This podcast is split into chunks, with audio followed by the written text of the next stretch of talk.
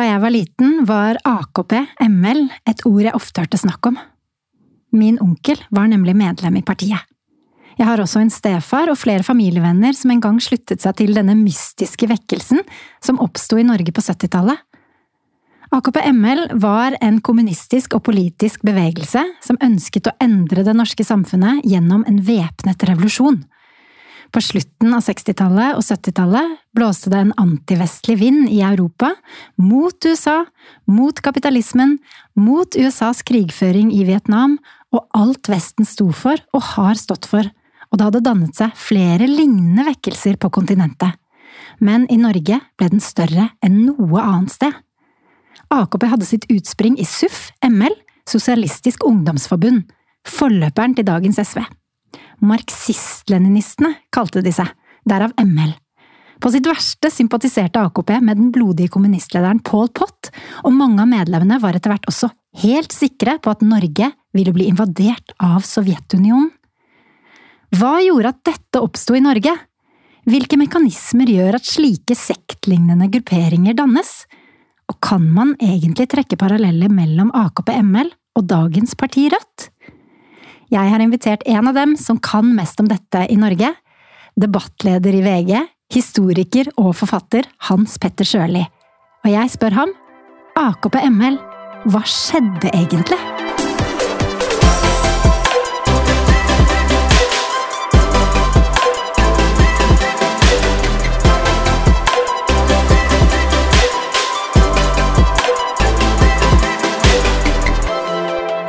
Hans Petter Sjøli, velkommen. Takk skal du ha, Henriette. Veldig hyggelig å være her. Et stort spørsmål. Ja, det var et stort spørsmål, syns jeg. Hva tenkte du da jeg tok kontakt med deg og spurte om å intervjue deg om dette temaet? Um, jeg tenkte at det var lenge siden sist, fordi det er ganske lenge siden jeg skrev den boka, og, som, som, også ble en film på NRK. Mao min Mao. Uh, ja, Mao min Mao het boka, og det ble til en film som het Historier om, om AKP, som er sendt på NRK Brennpunkt i 2006. Da. Så jeg syns det var veldig hyggelig å bli spurt. Jeg syns det var artig at, uh, at, noen fortsatt er interessert i det. For jeg har jo holdt på litt for meg sjøl med greiene. Jeg har følt meg som en sånn ordentlig nerd. Med sånn AKP-nerd, nærmest.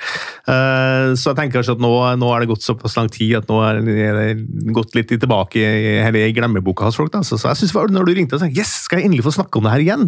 Ja, uh, så, du ble glad? ja, jeg syns det var veldig morsomt. Og så det rare er at jeg, uh, uka etter at du ringte meg, så ble jeg også ringt opp fra en annen uh, radio eller podkast som holder på litt med det samme. Så nå, det, det var utrolig merkelig at det skjedde omtrent samtidig. Ja, Jeg må jo innrømme at jeg har gruet meg litt til dette, fordi jeg har aldri gjort noen lengre intervjuer. Ja, Du ringte jo meg og sa det, du grua deg. ja, for jeg har aldri gjort noen lengre intervjuer om et sånt type tema, og det er ikke akkurat mitt felt. Så jeg har liksom fått litt kalde føtter. Jeg utsatt intervjuet én gang, vurderte å avlyse, men så tenkte jeg sånn nei, jeg er nysgjerrig på dette, så da, da er jeg min fulle rett til å intervjue deg om det. Ja, ja. Eh, jeg gleder meg til at du skal stille, for du stiller sikkert til gode, for du har jo, kjenner jo dette på kroppen nærmest. Ja, på en måte. Eh, fordi noe av utgangspunktet for min nysgjerrighet rundt dette er jo at min onkel mm. var medlem i AKP-ML. Så da jeg vokste opp, så var det veldig sånn Det var snakk om det, Det var et uttrykk som alle kjente til. Ja, han var AKP-ML-er, ja. Så det var mye snakk om det. Og jeg visste jo litt om det, men ikke så veldig mye. Men det er på en måte grobunnen for min nysgjerrighet. Og det er også grobunnen for din nysgjerrighet, for ja. din onkel var også medlem. Ja. Kan ikke du fortelle litt om det?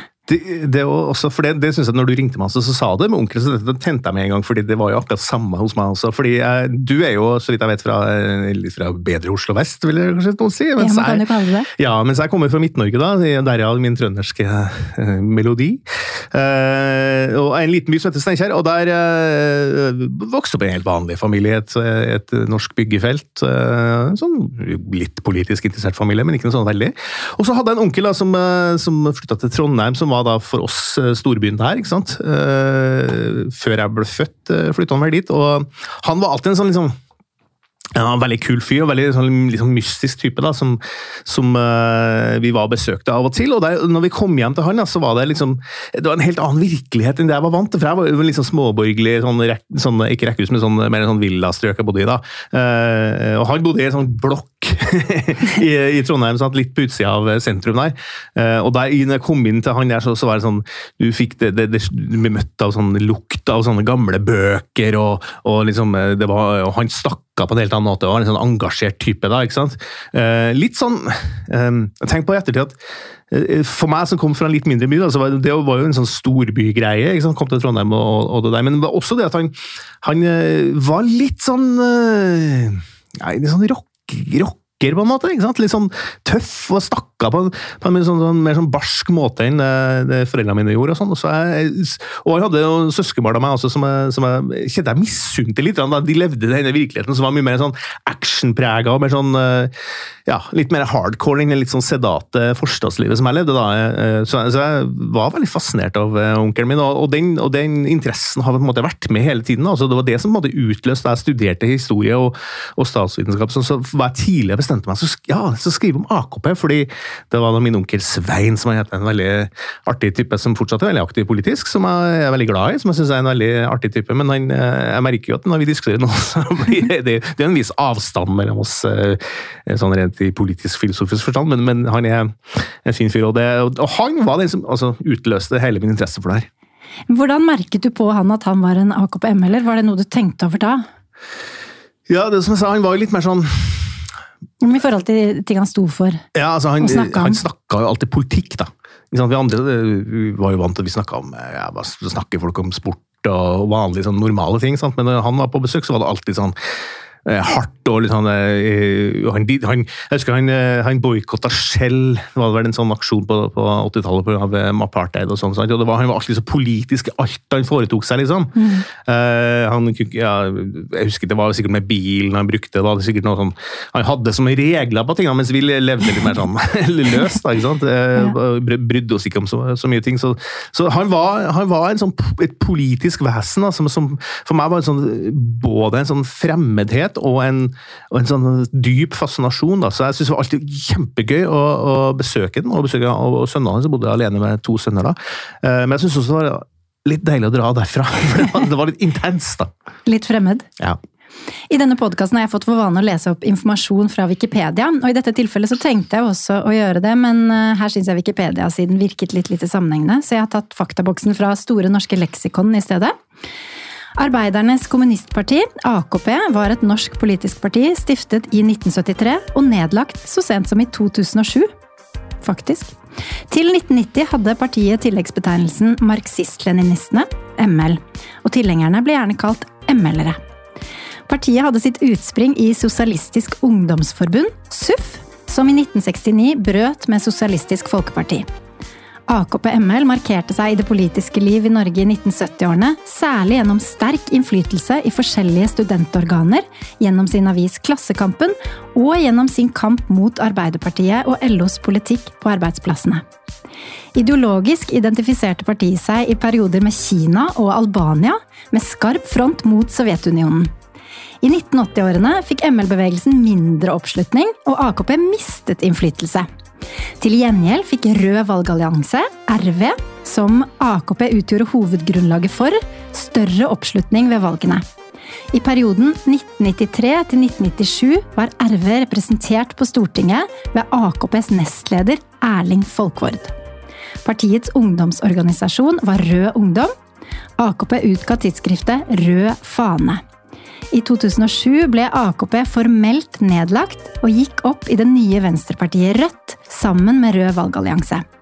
AKPs siste leder, Ingrid Baltzersen, ble nestleder i det nye partiet.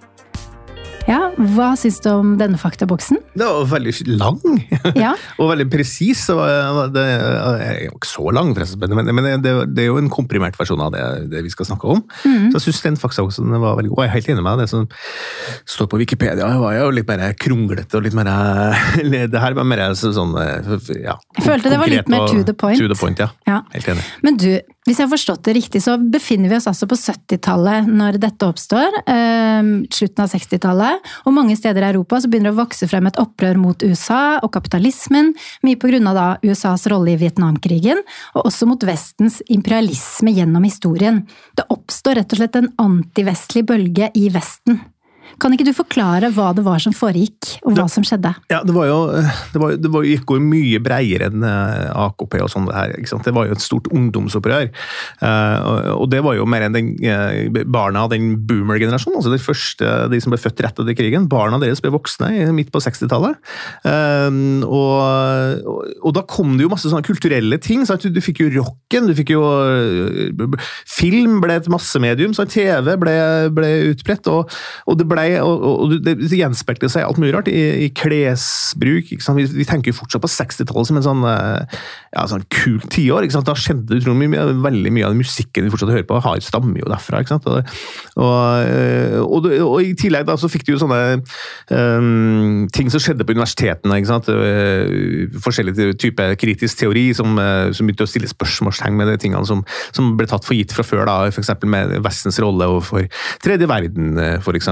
Og, og, mm. så fikk du jo, som du sa, eh, Vietnamkrigen, som jo var en sånn helt generasjonsdefinerende uh, ting da, som, som, som, foregikk. Og det, det, var også den første store sånn, verdens... En, ikke verdenskrig, da, men en krig som, som, på en måte ble kringkasta på TV, så som da angikk de aller fleste. Alle, alle hadde et, på en måte et syn på det her. da.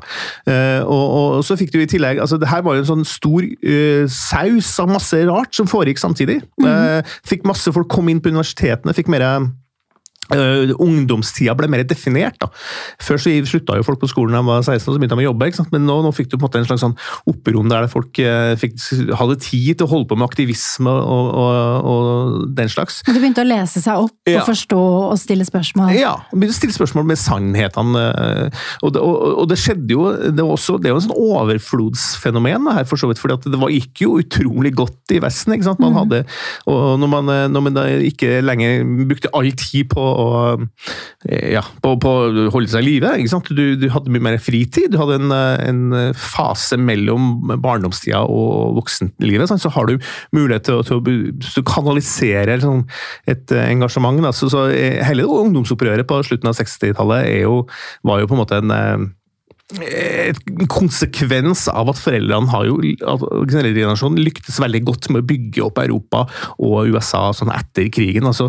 Så det var jo en, en, en tid hvor det blomstra. Eh, og, og, i tillegg så fikk du da selvfølgelig Eh, det som kom fra eh, Kina, som påvirka de som vi skal snakke om, AKP-hammeren, for det var, det var jo formann Mao som svømte i elva der borte ikke sant, og viste det var en helt annen kraft over den kinesiske eh, kommunismen enn den øgleformen som, vi, som vi så i Øst-Europa, i Sovjet, og sånn, som jo bare var sånne gamle gubber som knapt kunne ja, som var, var, bare gamle og grå og kjedelige, ikke sant? og ikke, ikke tilbød noe nytt. Da. Så, så, var det mange som vendte seg mot Kina, og så at der var det en fyr som uh, ja, kunne være en motsats da, mot, uh, mot, den vedtatte liksom, den tingen, den vestlige politikken som alle tok for gitt.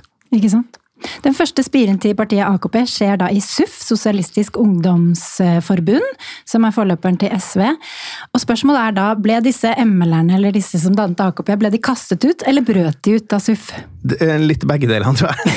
altså, Du går tilbake til 1961, for da, det, da eh, var det et brudd i Arbeiderpartiet. Da, var, da ble det de som gikk ut og danna SF, da, som ble SV etter hvert. Og, og det var jo motstand mot atomvåpen, altså mye utenrikspolitikk. sånn tredje verden-politikk og den slags som, som, var veldig viktig for det, dannelsen av det partiet.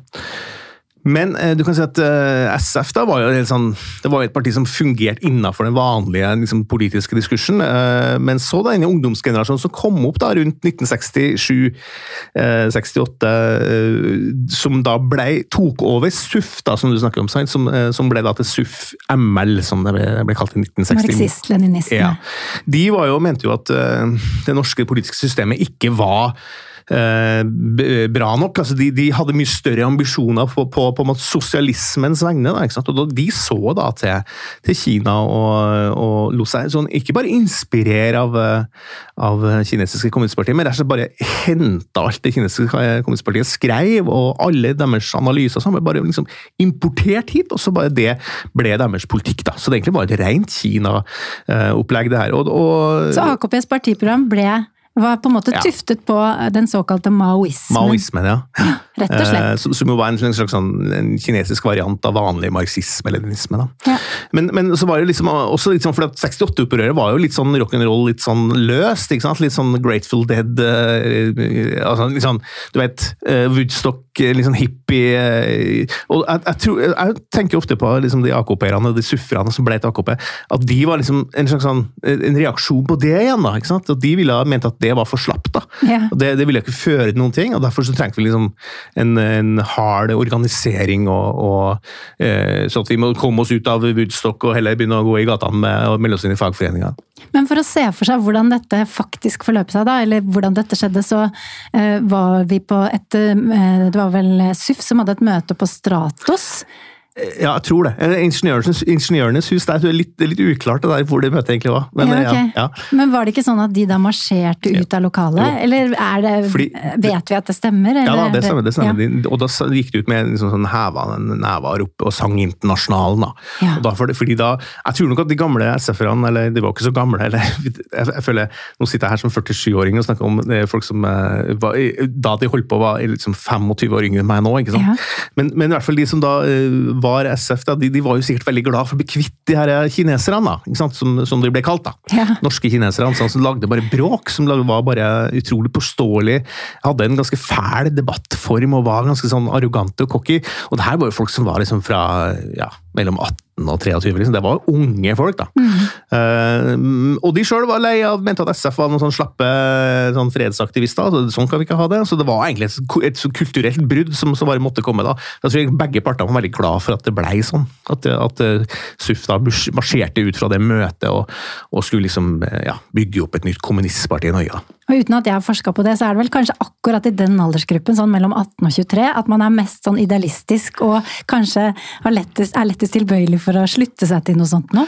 Ja, det er jo særlig menn, da. Eh, Ja. Eh, men det var jo mange damer også, men det var jo gutta boys som, som, som leda an her. Og, og menn mellom eh, Eller menn, gutter mellom liksom 18 og Det er jo kjent fra psykologien ikke sant? At, at menn modnes litt senere. Sant? Så, så, så det er jo mellom 18 og 23. Men jeg har jo jeg har en sønn selv som er, en, en sønn på, på 17 og en på 19, og merker jo at de to er jo hva heter det på engelsk, opinionated. De har masse meninger. det er ganske, ganske de, de, de legger ikke noe imellom når de skal liksom ytre sine meninger. da, Sant? Mm. og det er ikke mye nyanser og sånn. Så sånn er det jo. Altså, det er jo en ungdomsting, det her. og SUF ML AKP ML var en direkte eh, utspring av ungdomsopprøret, men også et slags opprør mot det. Det som skjer i praksis da, eh, for alle som slutter seg til AKP, er at det er mange akademikere, og mange fra såkalte borgerlige og litt akademiske familier, kanskje ikke bare det, men mange av dem, som slutter jobbene sine, får seg jobb på fabrikker, og dette kaltes da å proletarisere seg. Altså folk sluttet i studier, sluttet jobben sin. Hva skjedde? Eh, Min onkel, for eksempel, som vi begynte med her, han, eh, han begynte på uh, TMV i Trondheim, altså Trondheims Mekaniske Verksted. Han ja. var skulle egentlig studere, tipper jeg, og så begynte han der i stedet. Uh, fordi de målet, Nå hopper vi kanskje litt fram her, da, men målet for de her folka her, sånn, de var jo, som du sier, mange av dem var jo eh, ungdommer. Uh, mange av dem kom fra eh, ja, borgerlige, akademiske hjem og, og sånn. Og så, men så mente jeg at hvis, hvis de skulle ut og tjene folket, da, som var på en måte slagordet deres, så måtte de bli ett med arbeiderklassen, og det som ble kalt uh, proletari, eh, å proletarisere seg. Og da måtte de slutte på studiene sine og begynne på, på, få seg å jobbe på gulvet, da, for å ja, eh, både vinne oppslutning, men også for å, sikkert også litt sånn for å lære litt mer om hva det egentlig uh, hva det vi sto for, hva, altså, var det praktiske uh, greia vi holdt på med, så det ikke ble bare en sånn høytflyvende sånn, uh, ja, sånn studiering-greier. Så rundt om i Norge så var det en del leger og psykologer som prøvde seg på alt fra slakterier til eh, såpefabrikker til eh, det ene med det andre. Ja, og jeg har masse morsomme historier, og litt tragiske historier om det òg. Og forfattere, eksempel Dag Solstad. Du kan se for deg Dag Solstad er kanskje Jeg tror ikke jeg fornærmer Halvforbundet, jeg kan si at han kanskje er en av de minst praktiske menneskene som Norge noensinne har fostra, vil jeg tro. Eh, Han også skulle ut inn i industrien, men det ble jo bare tull. Han kom fort tilbake igjen, for at det var ikke noe fra han. Eh, Men det var jo et visst eh, press da, eh, internt, og, og kanskje særlig for for de som du nevnte, altså de professorbarna og, og som, som kom, ikke hadde skitt under neglene og sånn, som skulle lære seg å bli liksom, folk. Og, og det var jo en del av dem som, eh, som brøt totalt over med familien, og, med ganske tragiske følger, da. Det var en del familier som gikk i oppløsning pga. det her. Og da, ja fordi det var også foreldre som på en måte hadde sikkert ganske klare ambisjoner på barna, barnas vegne, og så med stor skuffelse på at man valgte andre ting. Men også sånn i forhold til arbeiderklassebarn som, som som nå, som jeg snakket om, som fikk da utdanningsrevolusjon, som fikk muligheten til å få den utdanninga som, som, foreldrene ikke hadde da de, de var på samme alder. Sant? Når de da eh, kom seg inn på universitetet, var flinke folk, og så plutselig slutta de, så var det mange eh, foreldre med, fra, fra det samfunnssjiktet også som ble veldig lei seg over at barna ikke fulgte opp det som eh, var gitt dem da, gjennom foreldrenes innsats. da. Du nevnte Dag Solstad. Han har jo skrevet boka 'Gymnaslærer Pedersen', som også har blitt til filmen 'Gymnaslærer Pedersen', som kanskje mange har sett, som handler om nettopp dette. da. Kan ikke du beskrive litt, eh, om, beskrive litt disse miljøene, hvordan det var de opererte? Tenker du på arbeidsplassene nå, eller hvordan? Ja, liksom, de, de hadde det med litt sånn hemmelighold, sendte hverandre beskjeder, og det ja. oppsto litt sånn der kryptisk ja, du, du vet, måte å kommunisere på. Ja, de, de, husk på at eh, de her de var jo eh, veldig radikale. ikke sant? De ville jo eh, avskaffe demokratiet i Norge. De ville erstatte det med en slags sånn partidiktatur, som du har i Kina og i Albania, som også var et sånn kommunistland i, den gangen. Uh, veldig strengt og humørløst og kjedelig. Jeg skjønner ikke hvorfor den ble så fascinert av det, men uansett, det blei det. Og det Det var vel den motvekten, sikkert? Ja, sikkert. Eh, men også ja, De, de ble sikkert påvirka av, av, eh, eksterne faktorer, for så vidt. men og det førte jo til at uh, overvåkningspolitiet i Norge ble jo interessert i dem. sant? Det er jo ikke noe rart, det. Det var en liten gruppering som, som sa at de skulle ta makta med våpen i hånd. Uh, og da uh, ble det jo veldig hemmelig, da. Reaksjonen fra Eh, AKP var at da, når de følger med på oss, så må vi gjøre oss enda mer hemmelige. ikke sant? Eh, og I tillegg så, så var det jo veldig fascinerende av Kina, og alle kommunistpartiene var jo bygd opp med sånne små celler her og der sånn, som, som, egentlig ikke skulle kjenne til hverandre, og sånn, ikke sant? og alt skulle være så hemmelig. da. Eh, og det førte til dek, bruk av dekknavn. Det førte til at det, noen AKP-ere fikk beskjed om å slutte i partiet. Uh, men skulle liksom være med likevel, da, som superhemmelig og sånn. Så, så, det var jo etter hvert altså, litt, også litt komisk, fordi da, da ramla jo partiet litt sammen også, fordi det var så mange hemmelige. som man visste jo ikke engang, fant ikke engang et lokallag å arbeide i, fordi folk uh, gikk sånn i dekning. da. Så, så det var, og det vises jo godt i den filmen uh, til Dag, til, basert på Dag Solstads bok også, som er laga av Hans Petter Moland, som jeg syns er en veldig undervurdert film. En veldig god film om ikke bare om AKP, men heller om 70-tallet, syns jeg. Um, om hvor eh, absurde følger av det der hemmeligholdet og det der litt sånn, litt sånn pompøse troa på at liksom staten var ute til å ta oss, og, og sånn, hva det førte til. da. Det tok jo liksom krafta av folk etter hvert. Det, det var jo, AKP var jo på en måte en slags sekt som, som, som, som fløyt mye på fremgangen, og når det, når det liksom begynte å butte litt, da, så, så, så, ble det liksom bare hemmelighold og, og liksom sånne rare ting da, som tok over, og det tok jo helt energien ut av prosjektet etter hvert. Også på, på slutten av 70-tallet så var det jo mer eller mindre gått i oppløsning.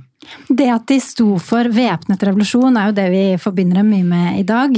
Mange av oss i hvert fall. Eh, men uh, hvor bokstavelig var dette? Sto det i partiprogrammet? Nei, det gjorde ikke det. Det er også en sånn uh, aldri eksplisitt men, men, de, men de, de, mente jo analysen av samfunnet var sånn at hvis du skulle innføre reell sosialisme i Norge, så, så måtte du da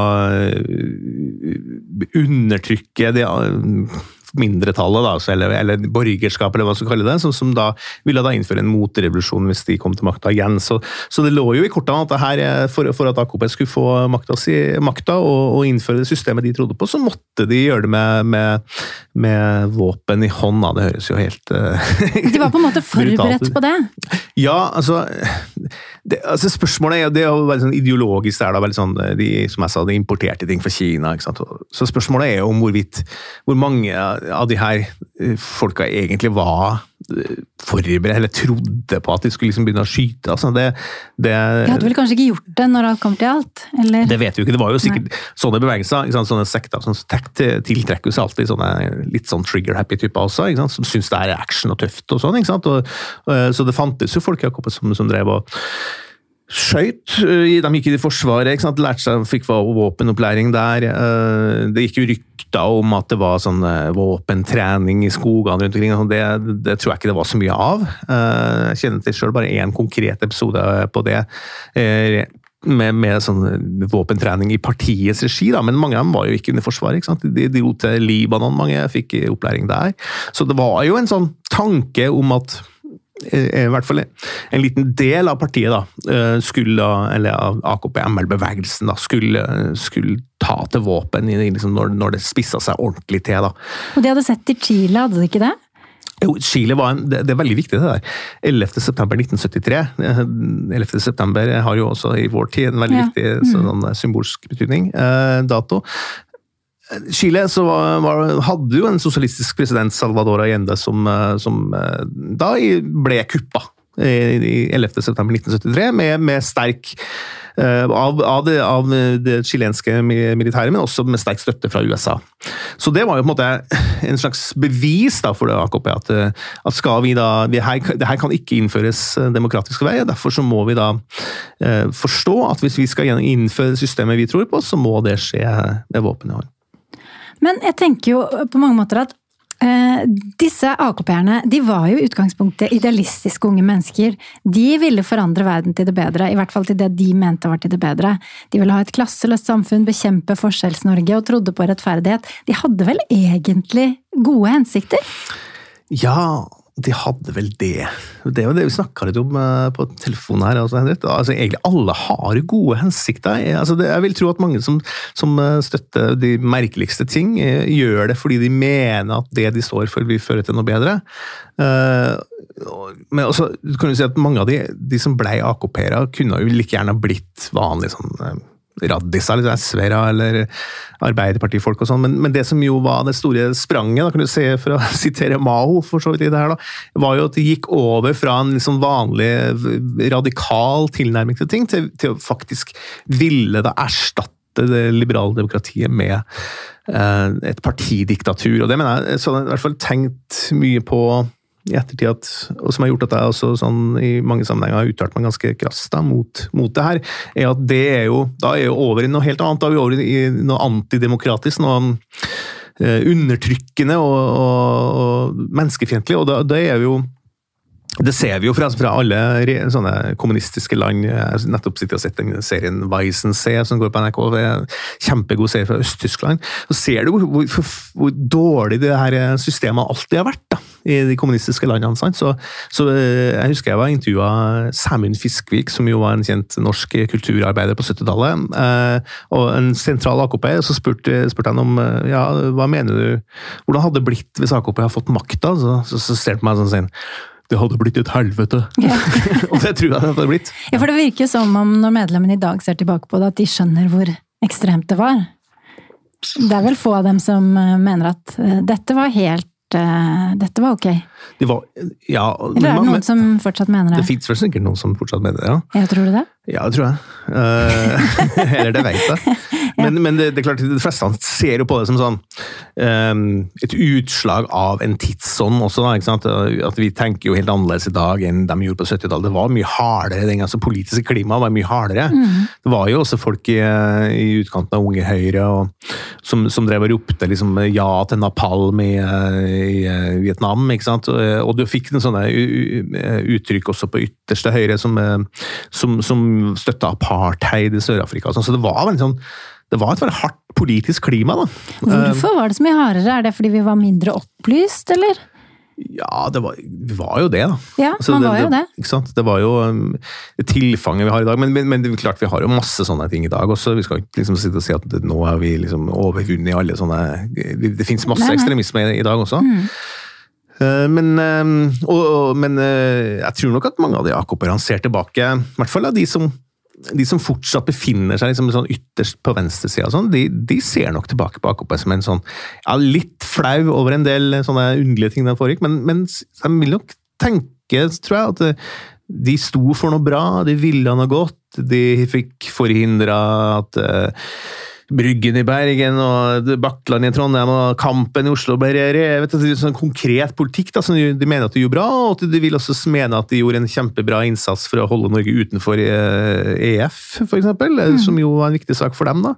Synd, syns jeg. Men det er noe personlig mening. Men, men, de vil nok altså, Jeg tror det er ganske mye nostalgi også sånn, blant en del av de eh, eldre folka. De begynner å bli ganske gamle, de her nå. De, mm. Den generasjonen som kom inn i AKP først, nå er jo eh, den ble jo født på slutten av 40-tallet, så det er jo liksom over 70 år. mange av dem. Så jeg, tror nok når de møtes, så, så, ser de tilbake. De fikk bygd opp Klassekampen. Så det, det var sånn, jeg tror ikke de ser litt sånn, humre litt over ja, vi var ganske gærne. Klassekampen har jo sånn. vært en suksess. Det, var, det, har jo blitt det. altså, mm. Jeg har jobba der sjøl, to perioder. Uh, var litt sånn Ja.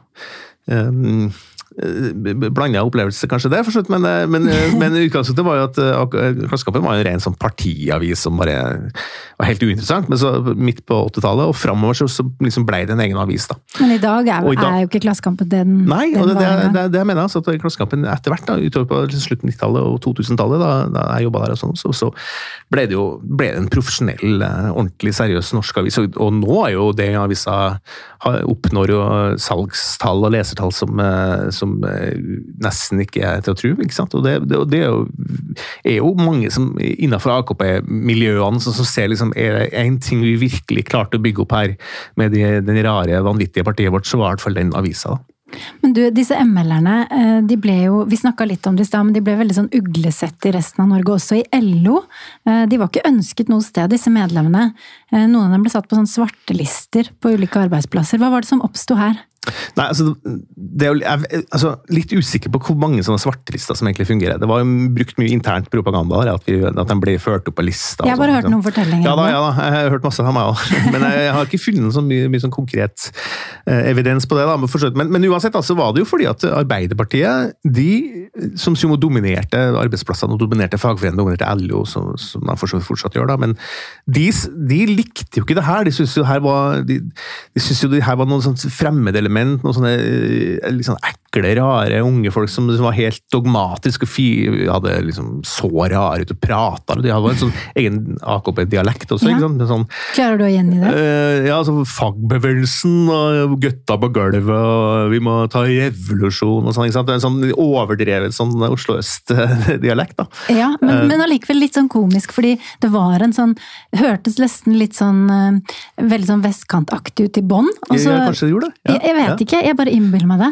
Og så la det liksom på ja, det var sånn, jeg, jeg hørte fra noen folk fra vestkanten som, som, begynte å skulle snakke sånn ekstrem østkant. da, ikke sant? Ja. Uh, men så, så når, når, de da gikk ut av bevegelsen, så ble det sånn superborgerlig. så Jeg bare hørte snakka med en fyr som sa han ja, han begynte å snakke om øh, øh, Han omtalte det en rein, altså dyret rein, som en røn. Men på 70-tallet sa han sikkert, da snakka han på en helt annen måte. da. Ja, ja. Uh, så, så tror mange, Jakob, mange Arbeiderpartifolk og sånn, sånn LO-folk og sånn, det var jo mye vanlige folk som syntes det her var skikkelig rare greier. Hvem altså. er disse her? Eh, ikke sant? Og Arbeiderpartiet var jo veldig aktiv i det. og de har jo vært, hatt en historie fra 50-tallet altså hvor de overvåka NKP, altså det vanlige, den gamle kommunistpartiet. Mm. liksom. Eh, og også innafor AKP og sånn, så så var det mange i Arbeiderpartiet som var bevist at denne gjengen her må vi bare knuse. liksom. Fordi at AKP var jo, for de som ikke har skjønt det, så var det jo ekstremt imot også Arbeiderpartiet. Ja, ja. Først i ettertid de begynner å si at nei, Einar Gerhardsen var en bra mann og sånn. Nei, eh, først i dag, det, det syns de jo synes de det. Men den gangen så var jo Arbeiderpartiet var jo, var jo Hva begrepet han brukte? altså Klassesvikere. ikke sant? De, de sto for en politikk som, som ikke førte til sosialismen. De, de, Arbeiderpartiet samarbeidet med borgerskapet, med arbeidsgiverne og sånt. Så de, de var jo forbanna på at De mente at Arbeiderpartiet var, var skikkelig slappe greier. Liksom. Etter hvert så ble jo AKP helt sikre på at Sovjetunionen skulle angripe og invadere Norge. Og de begynner på en måte å forberede seg på dette. Eh, og jeg sier det med litt sånn latter i stemmen, for det, eh, det, høres jo helt ko-ko ut. Dette må du forklare. Ja, og det, når du sa det, så begynte jeg å Jeg måtte ta en slutt med vannet, for det, altså, det, er veldig komisk, det her. Ja, det er, det er litt komisk. Eller, det, det, er jo mye som er komisk med det, men ja. akkurat det å liksom bli helt sikker på at ja, de skulle bli invadert av Russland og det at Sovjet da, var jo også kommunistisk, ikke sant? så det er også litt forvirrende her. da, ikke sant? Ja. Uh, fordi, men altså, AKP var Kina, ikke sant? og Kinas analyse var at Sovjet hadde der hadde det foregått en kontrarevolusjon, så Sovjet var ikke lenger et kommunistisk land. Uh, og det importerte AKP rett over. Og de, de AKP gikk kjempehardt ut mot uh, ikke bare Arbeiderpartiet og SV, men også mot NKP, da, som var det gamle kommunistpartiet i Norge, som var liksom sovjetorientert. Mm. Så AKP hadde alltid en sånn anti-Sovjet-brodd helt fra starten av, da de var SUF. Eh, men var, de hadde jo en veldig framgang, da, eh, og de danna partiet i 1973. og Det var etter IF-kampen, og det var en sånn, de følte at de hadde litt historie på sin side. ikke sant, Nå skal vi liksom eh, vinne frem. Men så stoppa jo det der opp, da, og det skjedde liksom ikke noe mer. Det ble ikke noe vekst i bevegelsen, og de, de mista litt sånn, litt, kanskje litt trua på at det var mulig å gjennomføre noen revolusjon i Norge. Uh, Trengte de noe annet å være sint på? på en måte? Ja, eller? ikke sant? Det var, en slags, det var en utopi de hadde da. ikke sant? Uh, og så døde Mao i 1976. Uh, og så ble på en måte den utopien da omgjort til en slags dystopi, da, en slags en, en sånn horrorfortelling om framtida. Ble de litt paranoide? Ja, ja, ja.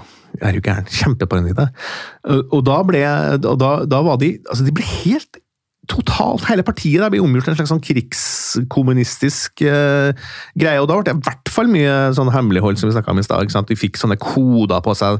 Noen fikk uh, bli kalt 2-2, uh, f.eks. De fikk en sånn kode, da måtte de liksom kvitte seg med alle sånn partiting og, og, forsvinne ut i obskuriteten, for de skulle da utgjøre en slags sånn motstandsbevegelse da når, når, Russland kom. Da. Fordi Poenget var at de var helt overbevist om at Sovjet hadde invasjonsplaner i Norge. De, til, de hadde de, Eh, man har lest sånne internnotater der som folk sier at det, det, er kanskje snakk om bare uker. ikke sant? Så kommer de. Men hvor fikk de det fra? Nei, det var jo, det var jo en analyse, da. at uh, det var jo, forbi, altså, Du hadde jo på en måte Afghanistan i 1979. det var jo, altså Sovjet var jo ikke noe trivelig regime. Og det Nei. var jo et ekspansivt eh, regime også, som var litt i krise. og da Sånne regimer tyr jo gjerne til, til, å mm, gå ut over sine egne grenser når det, når det drar seg til. Sant? Og, så det var jo på en måte en slags Eh, det var jo ikke, altså Alle sammen var jo redd for Sovjet eh, i Norge, vil jeg tro. Altså, det var jo atomvåpen og, mm. og alt. Så, så, så, det var jo ikke noe sånn noe typisk for AKP, men, men, det var ingen som hadde den analysen at Sovjet liksom sto på nærmest med tanks på Finnmarksvidda. Liksom. Det, var, det var AKP helt overbevist om. Og det de trodde også, var at uh, i all sin skal vi si, uh, hybris, da, altså trodde de jo at, at AKP var noe av det første som skulle bli tatt ut da når russerne kom til Norge. Og da skulle alle de åpne AKP-lederne de, de, var forventa at de dermed skulle da bli arrestert og, og fjerna. Og da, for at ikke det her skulle ramle sammen helt, så hadde, prøvde de da å bygge opp en slags hemmelig sånn eh, stay behind-gruppe da, som skulle liksom fortsette kampen mot, eh, mot eh, Sovjet og føre det som Mao kalte folkekrig. da, Man skulle liksom ligge på, på skogen og på vidda og drive og skyte på russerne. Og sånn, og til slutt slutt da, så skulle det her på en måte føre til at den russiske eh, eller skulle si at eh, oppslutninga av AKP som, som, den ledende krafta i motstandsbevegelsen mot den sovjetiske invasjonsmakten, da, så skulle liksom folket komme til da, og, og slutte seg opp om AKP. da. Og helt, helt vanvittig, vet du, det der greiene her. Jeg, jeg, snakka med flere som, som, var med på det, som, som fikk det som jeg kalte 2-2, som ble, ble liksom sånn superhemmelighet, som skulle liksom bygge opp en sånn uh, Stay Behind-gruppe etter hvert. Og de skulle liksom gå inn på, på, på skogen og, med, og, ligge der og vente da, liksom, til det her skulle komme i gang. Det, det, er så komisk, det, men uh, Men når det eh, blir så ekstremt, ja. så er det vel mange som prøver å bryte ut, da? Mm. Var det det på det tidspunktet? Altså, det her skjedde jo, det skjedde jo litt den dystopien, da. Og en sånn kraftig Eh, venstredreining, sånn, hvor, hvor AKP virkelig blir sånn, sånn krigskommunistisk eh, parti mm. Eh, fra 76 og utover. sånn, sånn. Og da ble jo liksom Fortryllelsen ble jo litt borte, for det er ikke like kult å være med i et parti som, som sier til deg at nå skal du passe på at familien din kan dø om, om, om en måneds tid. Så det, det, det, det, er en helt annen fortelling enn, enn det de hadde liksom på slutten av 60-tallet og framover. Da de skulle bygge noe, noe flott og gloriøst. noe, ikke sant? Så, så det er klart det var jo, det førte jo til det her at uh, de holdt ut kanskje noen få år til. så Det påstås vel at toppen av medlemskap og sånn innenfor AKP-ML var i 1978. men mm. Men deretter så, så begynte det liksom gradvis å bare smuldre opp, og folk ble slitne og begynner å tenke at nei, vet du hva, hva, er, det, hva er det vi har vært med på? Liksom? Hva, det her blir jo for dumt. Um, og, og, når noen veldig sentrale figurer også på begynnelsen av 80-tallet Eh, gikk ut offentlig, og, og, det var jo en som heter Helge Øgrim, som var, som var søskenbarnet til han som var liksom på en måte sjefen i Jakob Petron Øgrim. Eh, han gikk ut offentlig, og, og men så digert intervju ikke sant, hvor han sa at vi Jakob har tatt feil på alt, og vi eh, får vi makta, eller får partiet makta, så ville det blitt forferdelig, og, og vi må da slutte. Og da, og da Eh, liksom gikk liksom piffen ut av det. Det var som å stikke hull på en ballong. Dag Solstad som skrev 'Gymnaslærer Pedersen', som jo eh, alle sammen som leser den boka, ser at han latterliggjør bevegelsen ganske kraftig. Selv om han selv mener at det var en kjærlighetserklæring, så var det jo det. Vi, vi, vi ser jo, Når vi ser den filmen også, så får vi inntrykk av at det her var, var mye gærenskap. da. Så da liksom gikk uh, lufta ut av det, og, og, det ble et helt annet parti utover på 80-tallet som, som, holdt på med helt andre ting. Men da var liksom hele den greia Bevegelsen var over. Du har jo nevnt ordet sekt flere ganger gjennom ja. intervjuet, for dette var vel mer en, en, sekt eller en bevegelse, sektlignende bevegelse, enn det var et parti. Og, og, det å bryte ut av en sekt, det vet man jo kan være ganske vanskelig. Mm. Hvordan var det for de som prøvde å bryte ut når dette var på det verste? Jeg tror at Etter hvert så tror jeg det ble ganske greit, for da var det så mange som gjorde det. Men det, det å være de første liksom, de endringsagentene her som, som gikk ut og sa at nei, vet du hva, dette her blir for gærent, de tror jeg fikk det ganske tøft. Mm. Uh, de ble møtt med veldig sånn Det var veldig sånn hard, hard liksom, kultur, da. ikke sant? Du, du, var en sviker og en jævel hvis du liksom ikke fulgte linja. Og sånn, ikke sant? Og hvis du da gikk ut, så ble du på en måte fryst helt ut, og du mista uh, kontakt med alle de du omgikkes, alle dine venner. ikke sant? For det, var jo, det får jo Ethvert politisk parti har litt sånn sektpreg, i den forstand at det, du, du, lever på en livet ditt innafor litt der, men her var det helt ekstremt. sant? Her var det jo, Du levde jo, du jobba hele tida med politikk. Eh, også på arbeidsplassen din. ikke sant? Eh, og hvis du da gikk ut av det, så, så, så klart da mista du Plutselig ble du erklært persona non grata i, i, i partiet, og da mista du vennene dine. Du ble oversett og uglesett og snakka drit om, ikke sant. Og eh, jeg har intervjua flere som, som syns at den prosessen der med, med å forlate var, var en helt grusom prosess, rett og slett. Altså, det, det gikk i depresjon. Det ble Mm. Det var utrolig vanskelig, fordi Uh, og sånn er det, det vet vi jo. også vi er, I sånn studie av sekter, eller alt det vi vet om sekter, ikke sant? religiøse sekter, eller hva det nå skal være, mm. så, er, så, er, det å bryte ut det, det er veldig tungt. og det, Du bryter ikke bare med vennene dine, men også litt med Hele partiet blir som en slags som en, som en familie, eller hele sekta blir som en familie. ikke sant? Og Plutselig blir du stående der alene, da, og det er ganske tøft å gjøre det, tror jeg. Eh, sånn at uh, I begynnelsen, når, Jakob begynte å krokulere, så tror jeg nok det var en del skjebner der som, uh, som Ja, det var en del folk som hadde, fikk det ganske tungt og ganske trassig. På sett og vis så er jo dette det som oppstår i enhver sånn gruppering av noe slag, egentlig. Når man på en måte står sammen om en eller annen sannhet, og så skjer det et eller annet, eller man bryter ut, så kan det være vanskelig. Ja, i hvert fall i, i første Å være blant de første som gjør det, er, er klart det blir veldig vanskelig. Og mange, mange som, det har jeg merka, som jeg har tenkt på ettertid, at mange av dem som slutta, ble liksom så motsatt også. Altså, mange av dem ble veldig høyreorientert. Eh, ja, ja. Som en slags sånn jeg vet ikke, Kanskje, kanskje en, en, slags kroppslig reaksjon på liksom, hva i all verden er det jeg har gjort? Tok jeg så fullstendig feil på ting? sant? Ja. Eh, og istedenfor da å liksom bare gli ut av det sekta og bare liksom Havne litt på midten? Havne litt på hele midten, eller i hvert fall litt, kanskje litt venstre for midten også. Så, ja. så var det mange som blei liksom, litt sånn ordentlig høyrefolk, da. Ja, det er interessant. Ja.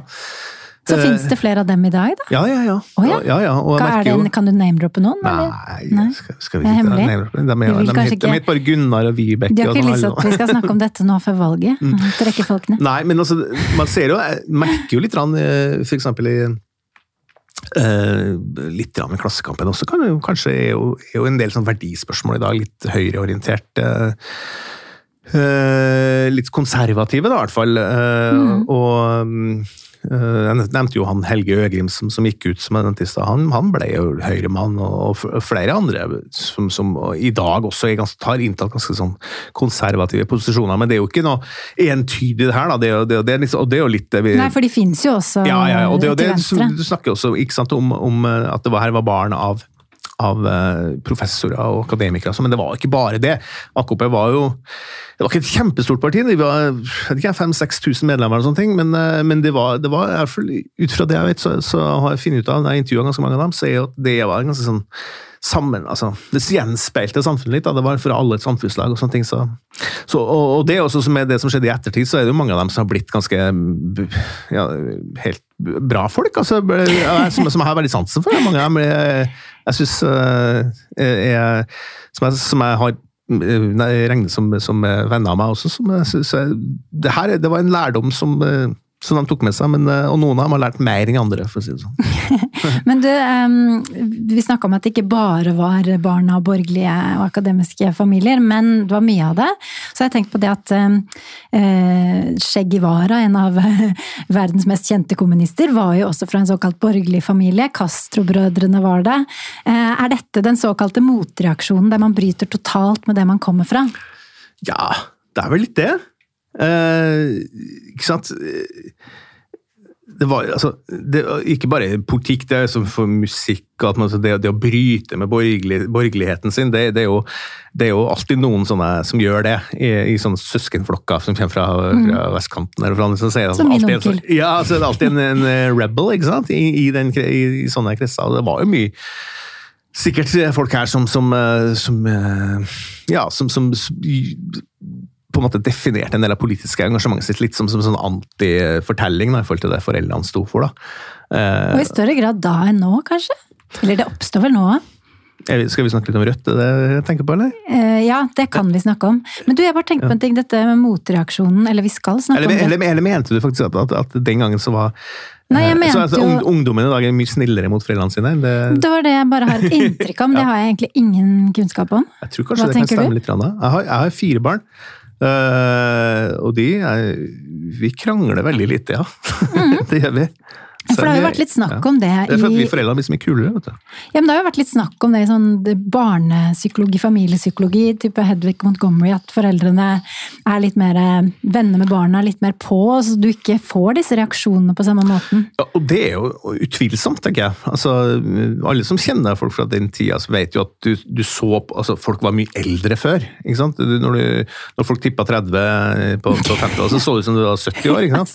Veldig merkelig greie, egentlig. Og dressjakke ikke bare det, men sånn hele, ja. hele liksom, uh, Det var liksom utseende. beina på puffen og avisen ja. og fyrstekaka. Ja, og mora ble veldig fort, veldig raskt veldig sånn gammel dame. ikke sant? Uh, Skjørt, forkle, knute i nakken, ja. sto på kjøkkenet. Ja, og, og sånn spisse briller og sånn, så litt sånn streng og var hjemme. Men, uh, men, det var jo som at 68-opprøret endra på det. Kvinnefrigjøringa og endra på det. Så det ble en helt annen kultur også blant folk som ble eldre. Da. Eh, og jeg er helt overbevist om at det går ikke an altså, Vi opplevde altså, Jeg er jo midt i 40-åra, men, men det at vi har et nært forhold til barna våre, eller en helt annet forhold til dem, det, det, det mener jeg er helt utvilsomt. Sånn er det bare. Sånn har bare samfunnet utvikla seg til å bli. Det kan se sånn ut. Men jeg, ble litt nysgjerrig på, fordi uh, motreaksjonen som jeg snakka om, det er jo ofte et ord som blir brukt når man snakker om dette som skjedde mm. med AKP-ML. Men så har jeg tenkt på at motreaksjon, er, det står ikke i ordboka. Er det egentlig et ord? Nei. Nei, det er jo ikke det. det. Jo, altså, reaksjon må jo holde lenge nok. Det er jo egentlig en reaksjon på noe. På noe, ja. Ja. Fordi, det, det, så vidt jeg vet, da, det er mulig at det er feil, men jeg ja. tror ikke motreaksjon er et ord, egentlig. Nei, men det er et ord som, som, er, som jeg tror brukes ganske mye. Ja, det brukes ja. mye. Mm. Ja, bare noe jeg har tenkt litt på, da. En annen ting som jeg syns er litt artig å tenke på, er at uh, Norge er jo ganske sånn Vi er jo et likeverdig samfunn. Det er ikke først og fremst liksom et klassesamfunn. Vil du si det?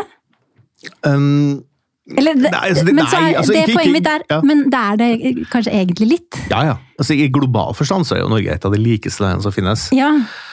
Uh, og det skyldes jo at vi har en eh, samfunnsmodell som, som tilstreber en viss likhet. Da, men, men, men, det er klart det er jo klasseskiller i Norge også. Og, ja, og, og kanskje vil... verre nå enn det var den gangen. Ja, fordi det jeg ville var at uh, i den grad man kan kalle det det på denne tiden, ble det laget mye såkalt uh, blandingsbarn på 70-tallet. Ja. Fordi at folk uh, ble jo sammen med folk de aldri hadde blitt sammen med ellers, når AKP-erne begynte å jobbe på fabrikker. Ja. Det er, veldig, ja, det er også en sånn artig ting. Ja. Jeg snakket, det er en morsom historie, fordi at det, det var en som heter Arne, som er en kamerat av meg nå, han, eh, som var AKP-er. eh, Veldig artig type, altså. Han eh, fortalte at eh, på 70-tallet Han var fra Oppsal, eller fra, egentlig fra Grønland, men flytta til Oppsal, sånn, på østkanten i Oslo. Og så sa han at i to år på 70-tallet, eh, liksom, jeg husker 75 til 77 eller sånt, da fikk de plutselig sjansen på disse vestkantjentene. fordi da var alle vestkantjentene veldig De mente at de, altså de da ville også bli en del av arbeiderklassen. ikke sant? Og da ble de veldig sånn eh, opptatt av de østkantgutta. Eh, men det var bare et lite ti- tidsvindu, mente han Arne. da, eh, For det, det gikk fort over, det der. Da, for Så da var å smi mens jernet var varmt. Smi, Da var det å komme seg opp til Holmenkollåsen fortest mulig og bare ta for seg.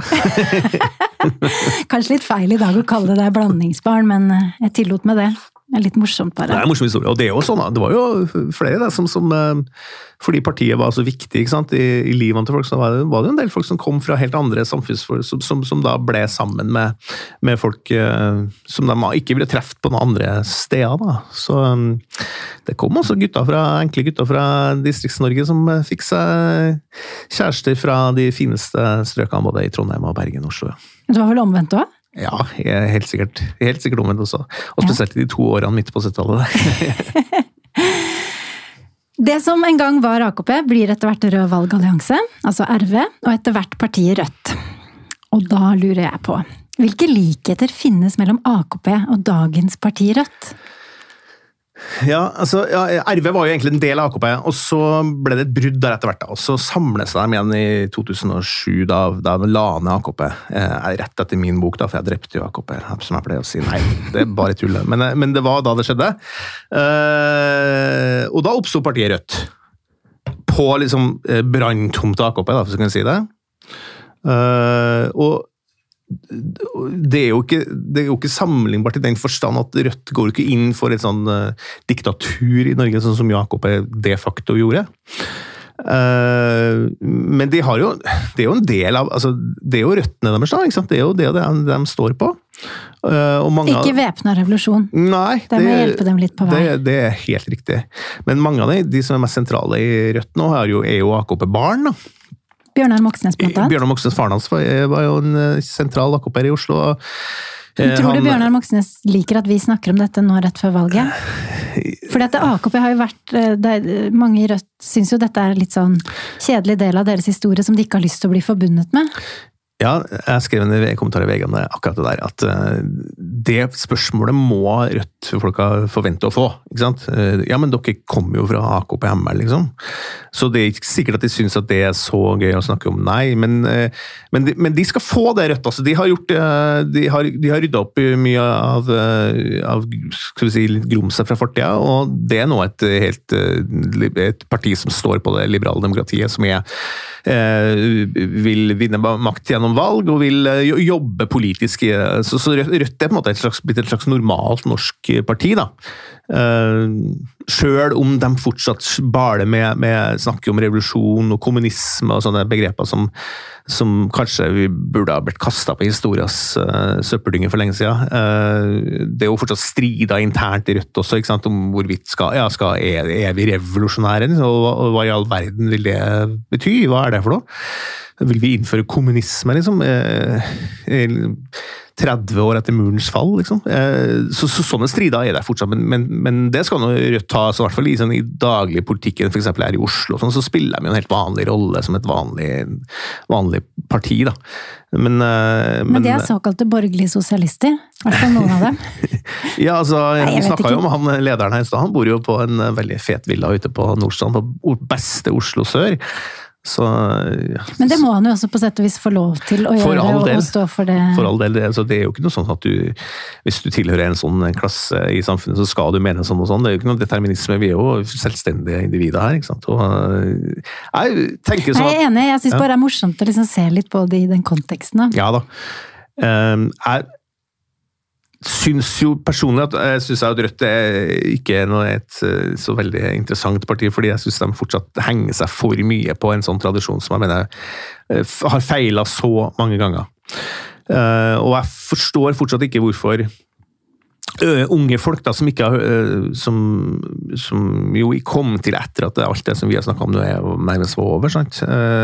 Hvorfor de da går dit istedenfor å oppsøke andre miljøer som på venstresida, SV og Arbeiderpartiet og Miljøpartiet De Grønne og den slags, som på en måte kanskje gir litt mer svar på vår tids utfordringer. Jeg syns kanskje Rødt er litt ja, litt gammeldags. litt sånn etterlevning av noe som har vist seg så mange ganger å feile. Da. Men, men de skal ha det rødt. Altså, det er et demokratisk parti som opererer innenfor eh, reglene. Så, så det, er noe, det, er ikke noe, det er ikke noe farlig heng det der. Altså. Hans Petter, hvis vi skal oppsummere dette intervjuet på noe vis um, Jeg skal prøve meg. Mm -hmm. AKP ML kunne kanskje ikke oppstått i dag. Men eh, på den annen side, sekter og bevegelser går jo aldri ut av tiden, så kanskje vil vi se noe lignende ved en senere anledning? Hva tenker du? Ja, det kan godt hende det. det vi har masse rart som skjer i dag også. Uh, og så har vi kanskje en tendens til sånne sånn som så, så meg og, og deg, vi som har sånne litt sånn personlig forhold til det her også, en tendens til kanskje å overvurdere det litt òg. At det var mye større enn det egentlig var. da. Uh, men, men det er klart vi er vi er jo ikke vaksinert mot, uh, mot, ekstremisme i dag. Det, det, ser vi jo masse av. Både på langt, kanskje mest på, på ytre høyre, liksom, den radikaliseringa som har skjedd der. Og, og, det finnes jo fortsatt ting på andre sida også som er antidemokratisk og, og, og pro, høyst problematisk. Da. Men uh, AKP ML var nok et sånt barn av sin tid.